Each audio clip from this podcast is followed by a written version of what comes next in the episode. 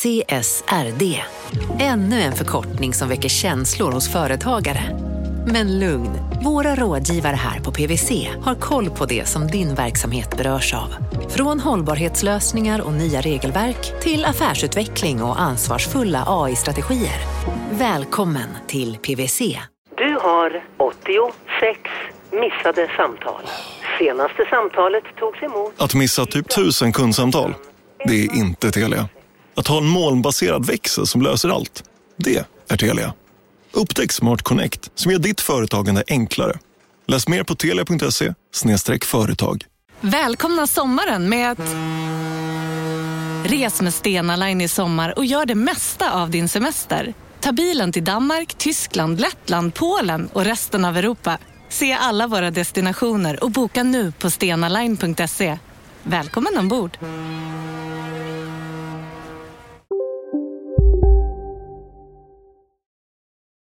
Hjärtligt välkomna ska ni vara till Kapitalet. Jag heter Gunnar Harjus, med mig Åsa Secker. Hej! Hej Gunnar! Åsa, du har varit på studiebesök kan ja, man säga. så roligt. Jag fick ha gul hjälm, vit rock och jag fick skriva på en tystnadsförbindelse. Den ska du få skriva på. Mm. En tystnadsförbindelse. Mm. Så det var liksom inte vilket ställe som helst kan man säga. Men vi kommer till det. För att vi ska förstå hur speciellt det här stället är så har jag också varit och hälsat på hos Lena Söder i Solna. Hon driver Solnas äldsta butik, det är en klädbutik. Eh, Gunnar, nu är inte du jättegammal, men vad är det längsta du har liksom haft samma jobb? Mm, typ tre år. Nej, det är inte så länge. Det längsta jag har haft ett fast jobb var nog när jag jobbade på McDonalds tror jag. Där var jag i två och ett halvt år. På McDonalds var det sjukt länge. Jag var värsta veteranen. Men Lena Söder, hon är liksom en riktig veteran kan man säga. Jag jobbar här 57 år. Herregud, det är länge. Det är länge. Jag började när jag var 17 och sen tog jag över efter 20 år och sen har det gått tiden bara. Ja, ja men det är ju en bit av en själv. För att eh, eftersom man har varit här så länge så känns det liksom att det är jag. Det är så. Hon började 1961. Det är alltså innan man får säga du till varandra. För det var en man en gång, han var hovmästare på stallmästargården. Och eh, då frågade jag, ja, hej, vad vill du ha hjälp med? Jag har inte lagt bort titlarna mer. Och ursäkta, sa jag, men vad kan jag hjälpa till med? Han visste ju inte att jag hade tagit över det här då. Så han, han var lite förnärmad där, men äh, det brydde väl inte jag mig om. Måste ändå säga att det är himla, himla skönt att vi inte håller på med sånt här längre. Typ titlar, att du skulle vara producent, producentskan, nej vad säger man? Fröken. Fröken producent, fru producent bara kanske. Ja, okej, okay. 1961. Om man är lite snabb på huvudräkning så listar man ut att Lena skulle ha kunnat gå i pension för ett tag sedan om hon hade velat. Jag tror kanske för sådär nio år sedan för att vara exakt. Så hur ser planen ut? Tänker hon lägga ner snart? Ha lite härligt pensionärsliv? Nej, inte just nu i alla fall. Jag har ju köpt in för våren så jag måste ju vara kvar i alla fall. Och så länge man så håller sig frisk, att man inte är direkt sjuk. Jag har inga sjukdagar eller så, utan jag är relativt frisk kan man säga. Lite oklart om hon menar att hon inte haft några sjukdagar på 57 år eller om hon menar typ nu för tiden. Oavsett, väldigt imponerande. Verkligen imponerande.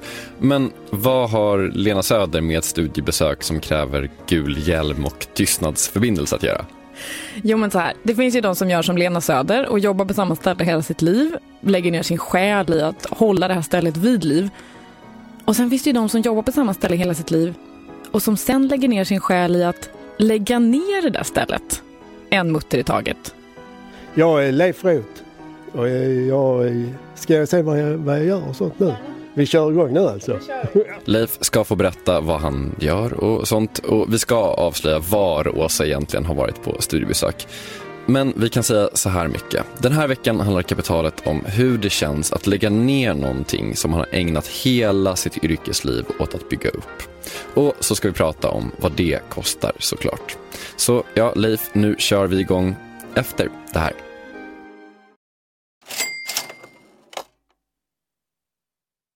Vi sponsras av Storbrand Asset Management som ju förvaltar över 1000 miljarder norska kronor, bland annat för SPPs eh, många pensionssparare.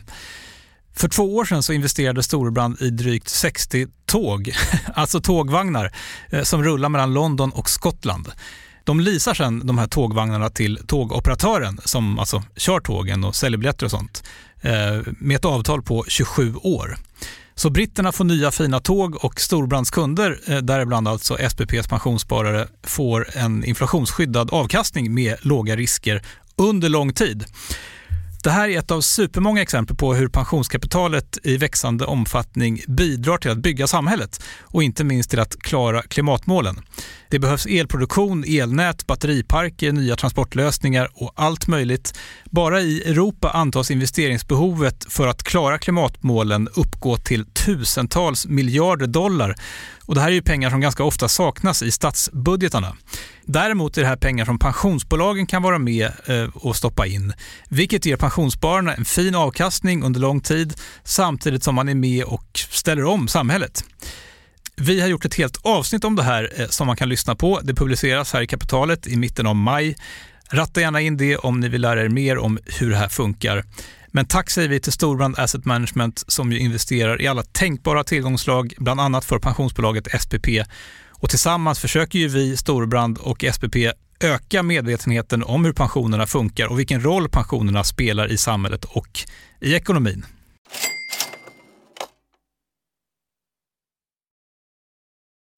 Okej, tillbaka till Leif. Han höll på att berätta något. Ja, jag är Leif Roth och eh, jag jobbar på Barsebäcksverket. Och det har jag gjort väldigt länge. Ända sedan 1975. Vad gör du på Barsebäck idag då? Idag så är jag chef för rivningsplaneringen. Det har jag varit sedan, sedan vi stoppade Barsebäck 2. Vi måste ta det här lite från början. Barsebäcksverket, har du koll på var det ligger eller? Jag har koll på var det ligger. Skåne. Precis, det ligger typ mellan Lund och Landskrona vid vattnet. Och på andra sidan ligger Köpenhamn och det här var ju då danskarna, vad jag minns i alla fall, sjukt irriterade över att man la kärnkraftverken så sjukt nära dem. Jag tror till och med att de har kallat Barsebäck för världens sämst placerade kärnkraftverk. Eh, kommer du ihåg tv-serien Riket med Ernst-Hugo Järegård? Alltså inte egentligen, men jag, jag, har sett scenen som du nu kommer spela upp gissar jag. Den där scenen när han står på taket till Rikshospitalet, vi säger så. Eh, och så tittar han ut över vattnet. Tack. Ni svenska vakttorn. Med plutonium tvingar vi dansken på knä. De där två vakttornen, det är Barsebäcks reaktorbyggnader. Och de ser verkligen ut som två vakttorn också. Det är liksom som två stora klossar och de är alltså 60 meter höga. Och sen har varje kloss en lång smal skorsten och så ligger det precis nere vid havet. Hugget i granit. Dansk. Jävlar. Dansk jävlar! Men eh, tillbaka till Leif. Han är alltså tvättäkta skåning. Jajamän, född i Trelleborg. Ja, så jag flyttat. Jag har bott i Trelleborg, Malmö, Lödköping, Helsingborg. Men längre kommer jag inte. Jag kommer inte över åsen. Ja, det är väl Hallandsåsen han menar får man anta. Precis. Han började alltså jobba på Barsebäck 1975. Eh, då var allting helt nytt.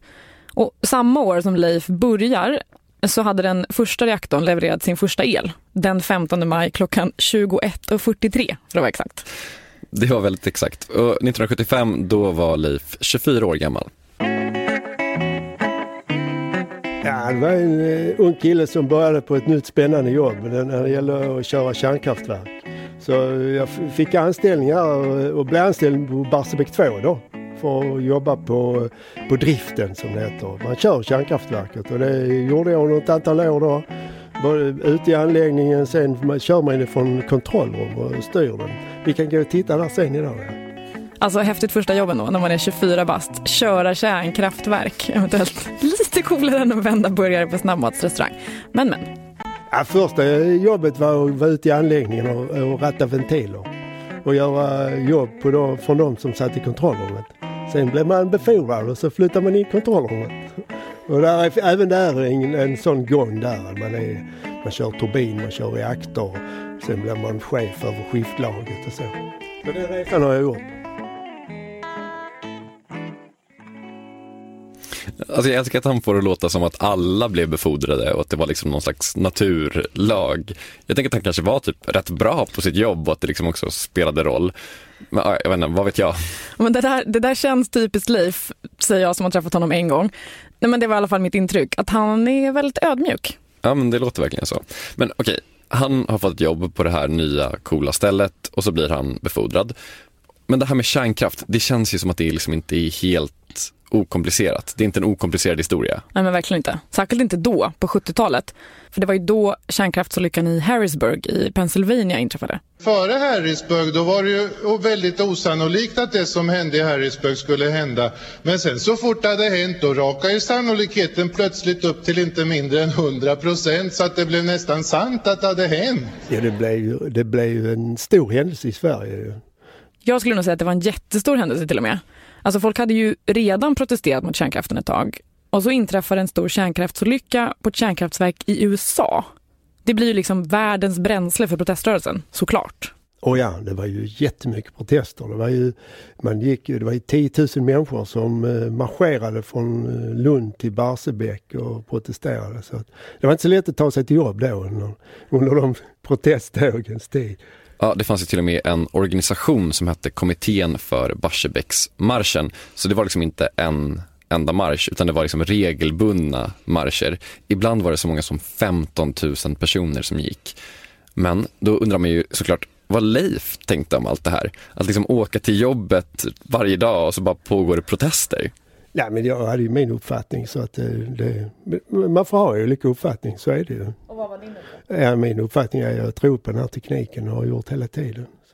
Surprise, surprise, eh, Leif är en benhård kärnkraftsförespråkare. Inte så konstigt kan man tycka när han trots allt har jobbat på ett kärnkraftverk sedan 1975. Men 1997 så händer det något. Eh, du vet Mikael Odenberg? Ja, han kanske är mest känd idag för att han erbjöd sig att ta över Moderaterna efter Anna Kinberg Batra. Precis. Men den 10 juni 1997, då kliver han upp i riksdagens talarstol och så säger han så här. För att uttrycka det i torgmötestermer så innebär energipropositionen en öppen konfrontation mot folket, facket, näringslivet och den borgerliga oppositionen i riksdagen. Vad som gjorde Mikael Odenberg så himla arg efter det här.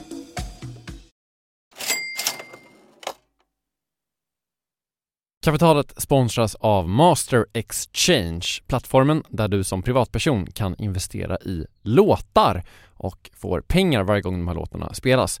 Eh, vi berättade ju senast eh, om barnlåten Puff the Magic Dragon som noterades av Master Exchange under våren. Nu har utdelningen på den låten kommit, eller royaltyn som vi säger i musikbranschen. Eh, den ligger på drygt 12% i årstakt och det här är ju en avkastning som är helt okorrelerad till eh, börsen.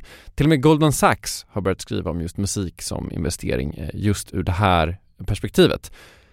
Nu finns en möjlighet att investera i en ny låt. Eh, låten heter Boss Bitch och den är av Doja Cat som, alltså jag ska inte säga att jag är superdeep här men det är ändå en, en, person som jag vet om det är. En, en världskändis. Den här låten gav baserad på förra årets spelningar en avkastning på drygt 13% Master Exchange har just nu en väntelista på registreringar. Det, det går lite för bra för dem kan man säga. Men Skriver ni in kapitalet som promo code så kan ni runda kön och ansöka om andelar i låten Boss Bitch ändå.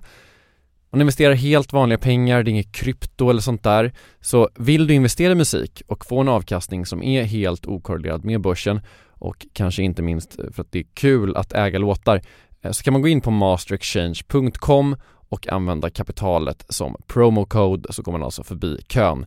Kom ihåg dock att alla investeringar är förenade med risk, men vi säger stort, stort tack till Master Exchange. Kapitalet sponsras av Karla, Jakob. Ja, bilar igen. Ja, det är eh, härligt. På Karla kan man sälja sin elbil eh, på det gissningsvis smidigaste sättet i Sverige. Eh, Karla har ju ett nästan ett komiskt högt användarbetyg på Trustpilot. Mm. 4,8 av 5, vilket jag typ aldrig hört talas om. Nej, det är väldigt, väldigt högt. Eh, man knappar in lite info om bilen på sidan, sen får man en gratis värdering och ett bud. Accepterar du budet kommer Karla och hämtar upp bilen gratis och sätter in pengarna innan de kör iväg. Inget mer än så. Rätt fantastiskt. Nej, det är faktiskt Ja. helt otroligt. Och eh, det kan bli ännu mer eh, otroligt än så. eh, För att vi har nämligen en rabattkod som ger dig 2000 kronor extra för bilen. Så om du säljer din bil så får du två lax extra. Stämmer. Bara sådär. Koden är Monopol. Och den uppger du när du har värderat bilen och pratat med Karlas inköpare. Koden är giltig till sista maj, så att passa på om du går i säljartankar. Jag undrar om vi haft en kod som har gett två lax bara sådär någon gång. Nej. Det är helt otroligt. Man behöver en bil förvisso. Absolut, så det är inte, kanske inte bara sådär, men det är ändå 2000 kronor extra. Väldigt bra. Ja.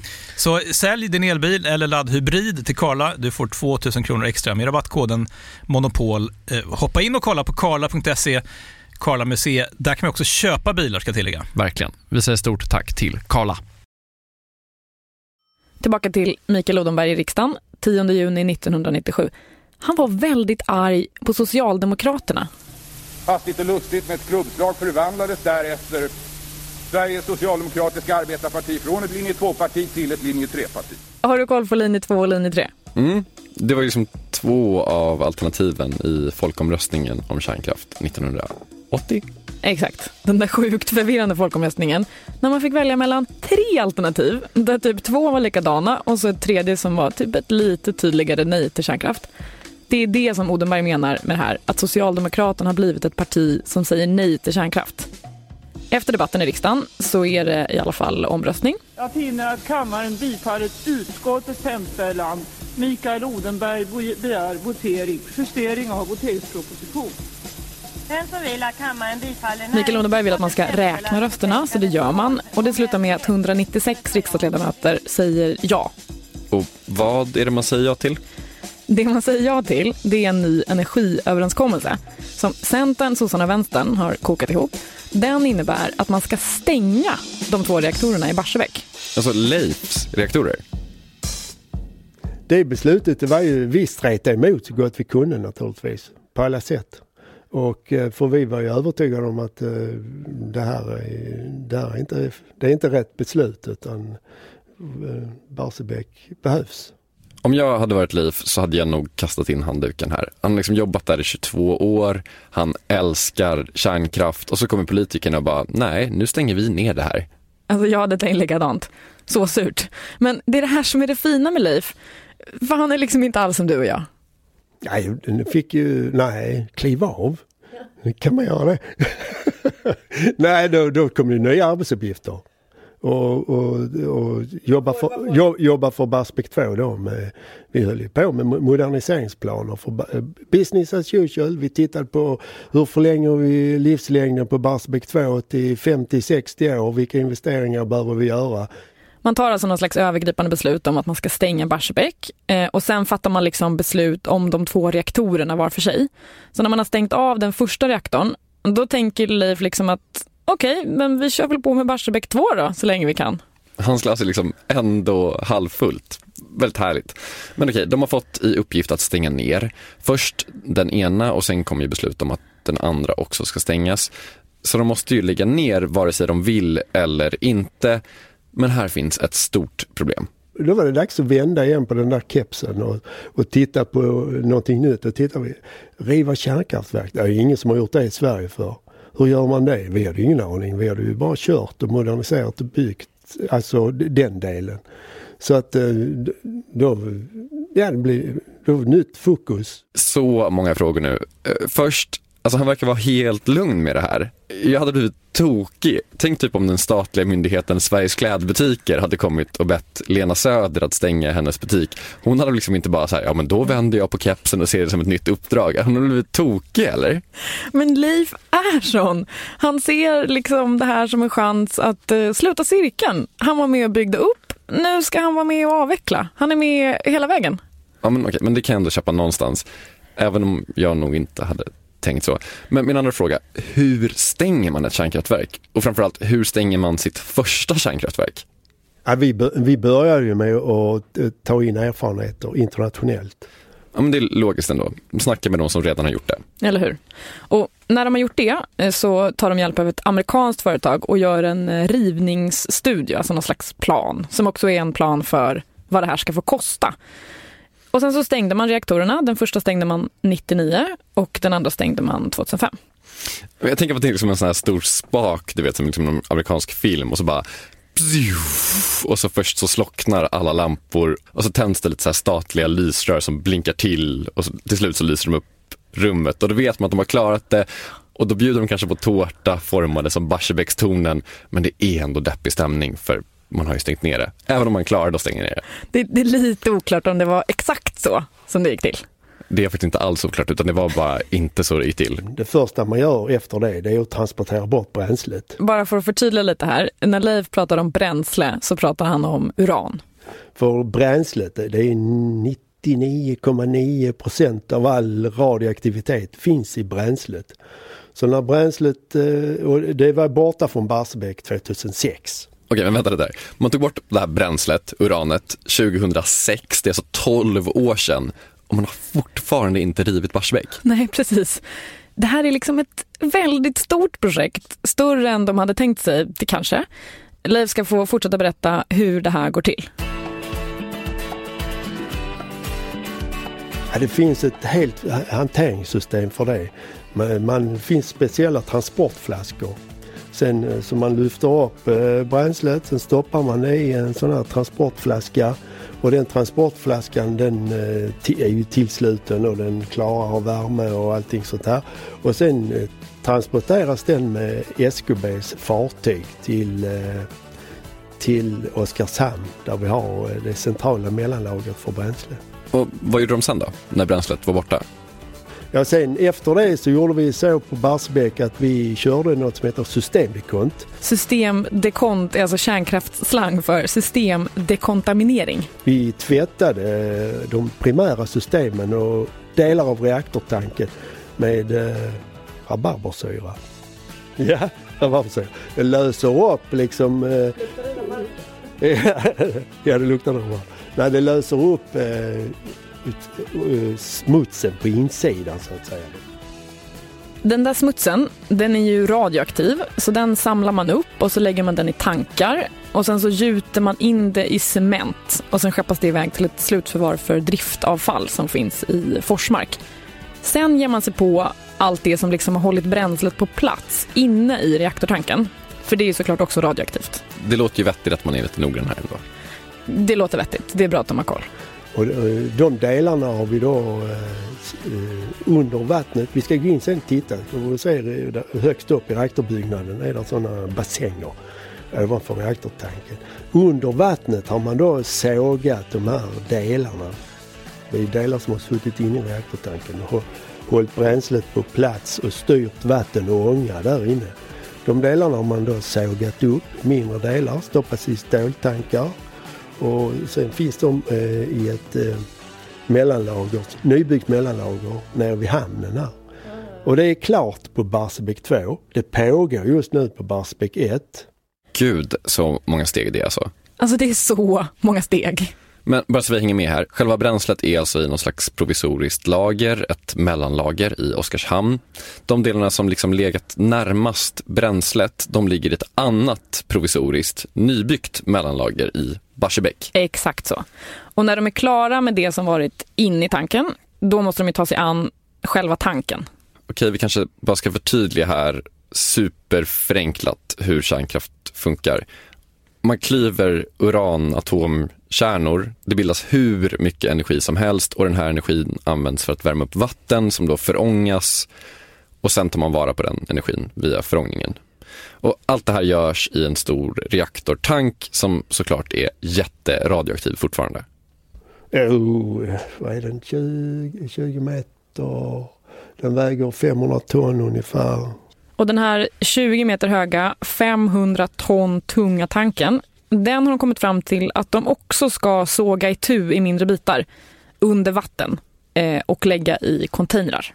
Det är därför det är så dyrt att driva kärnkraftverk. För att man kan inte bara köra en slägga in i. Det, det är så, om du tittar på, nu har du inte varit inne, men vi ska in och titta. Så, allt som är i reaktorbyggnad, turbinbyggnad, allt som är där inne, även om det är rent, även om det är rent, så betraktas det som radioaktivt avfall. Du måste bevisa att det är rent. Och, det, och om du tar eh, allt allt där inne så är det rätt så mycket som du ska bevisa att det är rent. Okej, vi ska komma fram till det där med att det är dyrt att riva kärnkraftverk alldeles strax. Men han säger hela tiden att ni ska in och titta. Fick du någonsin gå in och titta eller? Då ska vi se. Ja, det var ju det jag fick. Har du varit på ett kärnkraftverk någon gång Gunnar? Ja, Du kan gissa två gånger.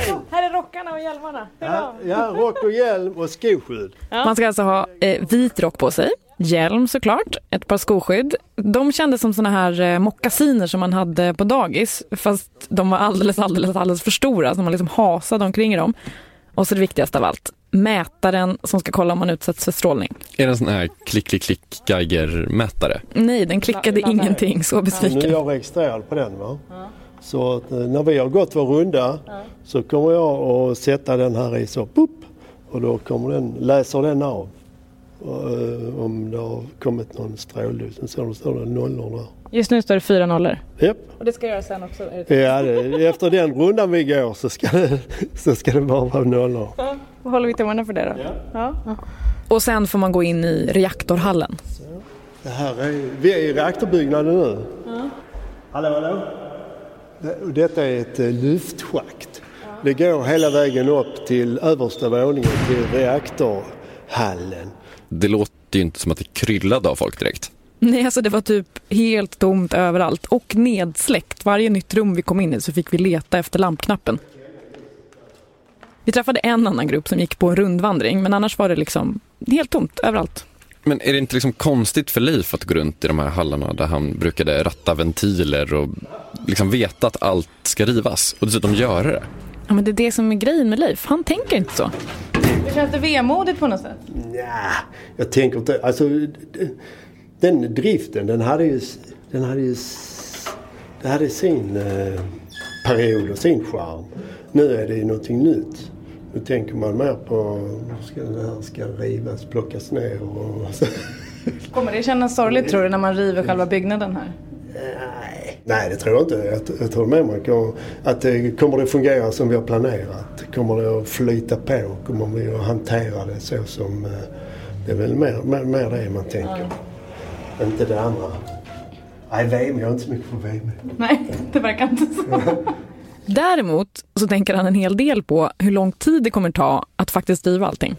Här är en hel del utrustning som är väldigt, väldigt ren. Men allting måste ändå eh, mätas och kontrolleras när man river det. Varje, varenda pryttel, varenda metallbit du ser här måste mätas och kontrolleras. Här är vi alltså inne i det som man kallar för turbinhallen. Det där vattnet vi pratade om tidigare som bildade ånga, det måste liksom fångas upp av någonting för att det ska bli el. Och det görs det, eller gjordes det kanske vi ska säga, här då. Ångan stiger, turbinen snurrar, voila, el. Exakt så.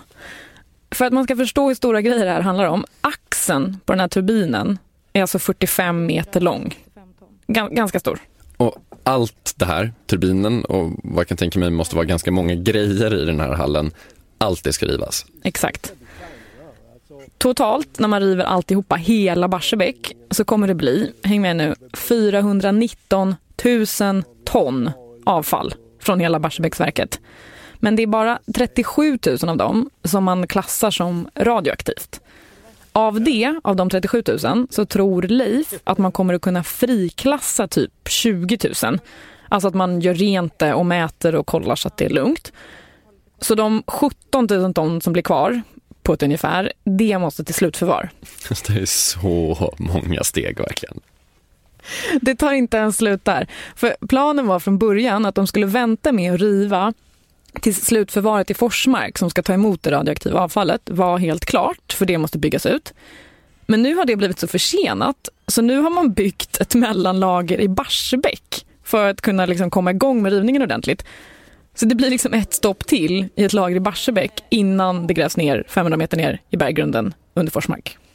Sen det, så det sista som rivs blir ju då de här mellanlagren. Vänta lite här. Man river det här stället i 17 olika steg, men sen ska det alltså läggas ett mellanlager som man ska bygga för att kunna riva. Japp.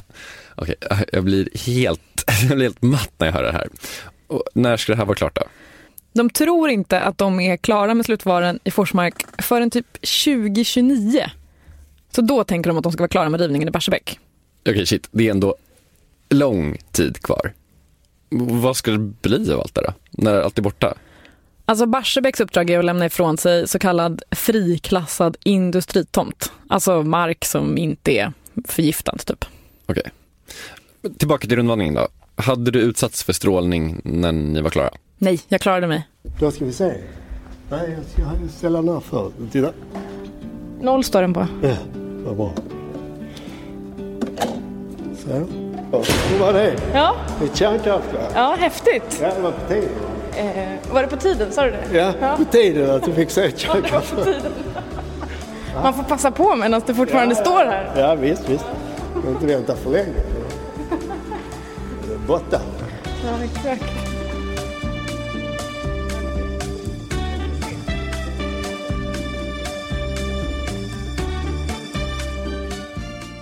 Okej, nu när vi liksom har en bild av vilket jäkla projekt det är att riva det här stället, då tänker jag att det blir lättare att förstå att det kostar ganska mycket. Hur mycket tror du att notan landar på för det här? Det är väldigt svårt att veta för en person som aldrig varit på ett kärnkraftverk. Men jag gissar att vi mäter det här i miljarder i alla fall. Rivningen av Barsebäck eh, ligger på fyra, drygt 4 miljarder. Och sen har vi plus det också en, ett osäkerhetsbelopp.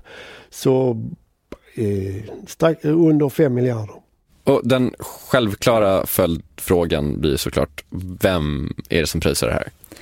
Ja, men det är kärnkraftbolagen eh, själva. Eh, sen 1980-talet så betalar alla de här bolagen in ett antal ören per kilowattimme el som de producerar till något som kallas för kärnavfallsfonden. Den där siffran ändras och justeras vart tredje år, men för avgiftsperioden 2018 till 2020 så ska de betala 5 öre per kilowattimme. Ja, men det låter smart, tycker jag, spontant. Eh, men det är ändå så att man undrar hur de kan veta hur mycket hela kalaset kommer att kosta. Det här är någonting som aldrig har gjorts förut och som vi hörde så lät det otroligt komplicerat. Så det måste vara sjukt svårt att veta hur mycket det blir. Ja, men det var ju just det. Eh, Jag heter Charlotte Berg och jag arbetar här på Riksrevisionen på något som kallas för effektivitetsrevisionen. Åh, min favoritmyndighet. Vad har eh, Riksrevisionen med det här att göra? Jo, men Riksrevisionen granskar ju vad statens pengar går till, eh, hur de redovisas, hur effektivt de används och sådär. Och det är ju i första hand kärnkraftsbolagen som ska stå för notan här. Men staten har ändå ett så kallat sistahandsansvar. Så om allt skiter sig så är det du och jag som måste prisa. Ja, men typ. Fast då är det ganska mycket som ska skita sig. Det är ju när man har gjort Eh, helt fel beräkningar, säger vi. Så att man, det kommer bli mycket dyrare än vad man trodde. Så pengarna i fonden, säkerheterna räcker inte till och företagen finns inte längre kvar. Då kommer staten behöva betala.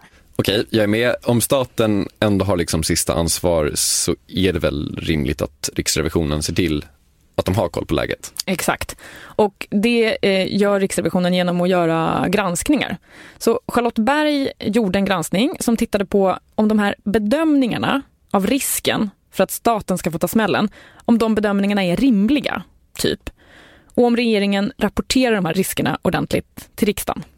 Så vad kom Charlotte fram till? Ja, men vi kom fram till att det var stora oenigheter och osäkerheter kring de här kostnadsberäkningarna. Det låter sådär tycker jag. Alltså Charlotte är inte direkt orolig för att det inte ska finnas några pengar. Men grejen när man ska räkna på något som ingen har gjort förut och som ska pågå i en halv evighet, det betyder ju att man måste göra massa antaganden. Och då är det liksom massa olika parter i det här som har gjort olika antaganden kan man säga. Men eftersom det ändå handlar om rätt mycket pengar så måste det ändå bli stora skillnader om man räknar på olika sätt. Eller vad säger du Charlotte? Ja, men om man tar den här ekonomiska faktorerna då, lite beroende på vad man antar där. Om man antar så som myndigheten, Strålsäkerhetsmyndigheten ville att man skulle beräkna eller eh, som SKB ville att man skulle beräkna, så blev kostnadsskillnaden 15 miljarder. SKB, alltså Svensk kärnbränslehantering och det är de som representerar kärnkraftsverken. 15 miljarder är inte direkt småpotatis. Det känns som att liksom, osäkerhet är någon slags nyckelord här. Men om de har betalat in till fonden sedan 80-talet, då har de väl svin mycket pengar tänker jag. Det är liksom inte så att hela finansieringen är ett stort frågetecken. Nej, de, de har redan en massa pengar. Vänta, jag tror jag skrev upp det här. ja, 2017 fanns det ungefär 65 miljarder i kärnavfallsfonden. Och man hade un, ungefär använt dryga 40 miljarder. Så man har ju använt en hel del av det här. Och man hade ju säkerheter som motsvarade ungefär 30 miljarder under förra eh, avgiftsperioden som var då mellan 2015 till 2017. SKB gör en rapport som kallas för planrapporten och i den som heter då Plan 2016 där man gör de här beräkningarna, då var den här återstående grundkostnaden ungefär 106 miljarder. Så det är mycket som kvarstår, men eh, det finns också mycket i fonden och vi har använt en hel del. Inte helt okomplicerat, men det känns ändå som att de har typ en plan i alla fall och det känns ju tryggt.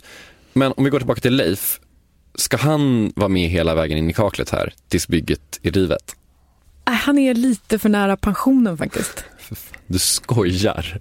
Nej, jag jobbar nu, jag jobbar nästa år också. Bara nästa år också? Ja. Kan du slita dig från Barsebäck? Nej, det är svårt, men vi får se. jag känner ju inte Leif, men alltså det känns ju inte helt osannolikt att han blir kvar ett litet tag till. Han verkar ju ha lite svårt att slita sig. Men när man hör honom så känns det ju lite som med Lena Söder, alltså att han typ är Barsebäck. Man undrar ju vad Leif hade gjort om han inte hade jobbat på Barsebäck. Ja, men jag frågade faktiskt honom det och då blev han lite ställd. Det är mm, mm, okej. Okay. vad skulle jag då, vad hade jag då gjort? Vad ville du bli när du var liten? När jag var liten? ja. ja, alltså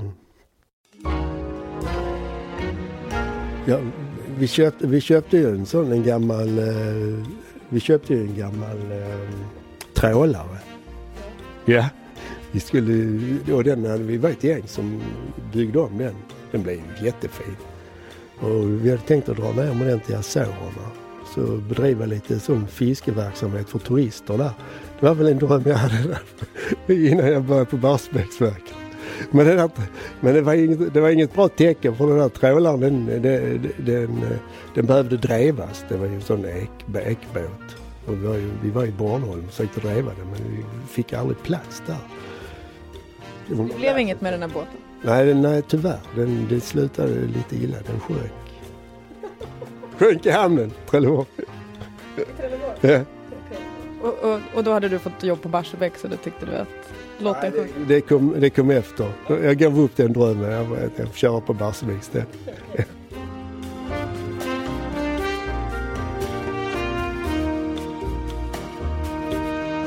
Leif och Barsebäck känns ju som att det ändå blev en hit. Vi får väl se när han till slut ändå bestämmer sig för att kliva av. Den som lever får se. Med det så är kapitalet slut för idag. Ni kan följa oss på Instagram. Där heter vi att kapitalet. Gör du det Åsa? Självklart Gunnar. Vad härligt. Gör som Åsa, följ oss där. Vi är tillbaka igen om en vecka. Hej då.